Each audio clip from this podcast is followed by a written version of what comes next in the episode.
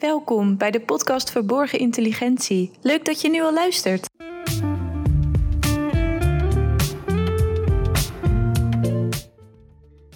Deze podcast wordt gemaakt door de Stichting Vanuit Autisme Bekeken. En voordat we beginnen willen we je graag iets vertellen over wat we doen en over het project Verborgen Intelligentie. Kijk, vanuit Autisme Bekeken gelooft in een inclusieve maatschappij waarin iedereen mee mag doen. Dus ook mensen met autisme. En vanuit Autisme Bekeken werkt hieraan. Wij luisteren naar behoeften van mensen met autisme en stimuleren de verbinding met hun omgeving.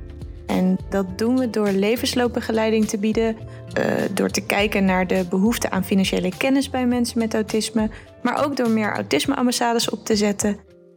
En we kijken hoe we contact kunnen maken met kinderen die niet of nauwelijks spreken. Over dat laatste gaat de pilot Verborgen Intelligentie.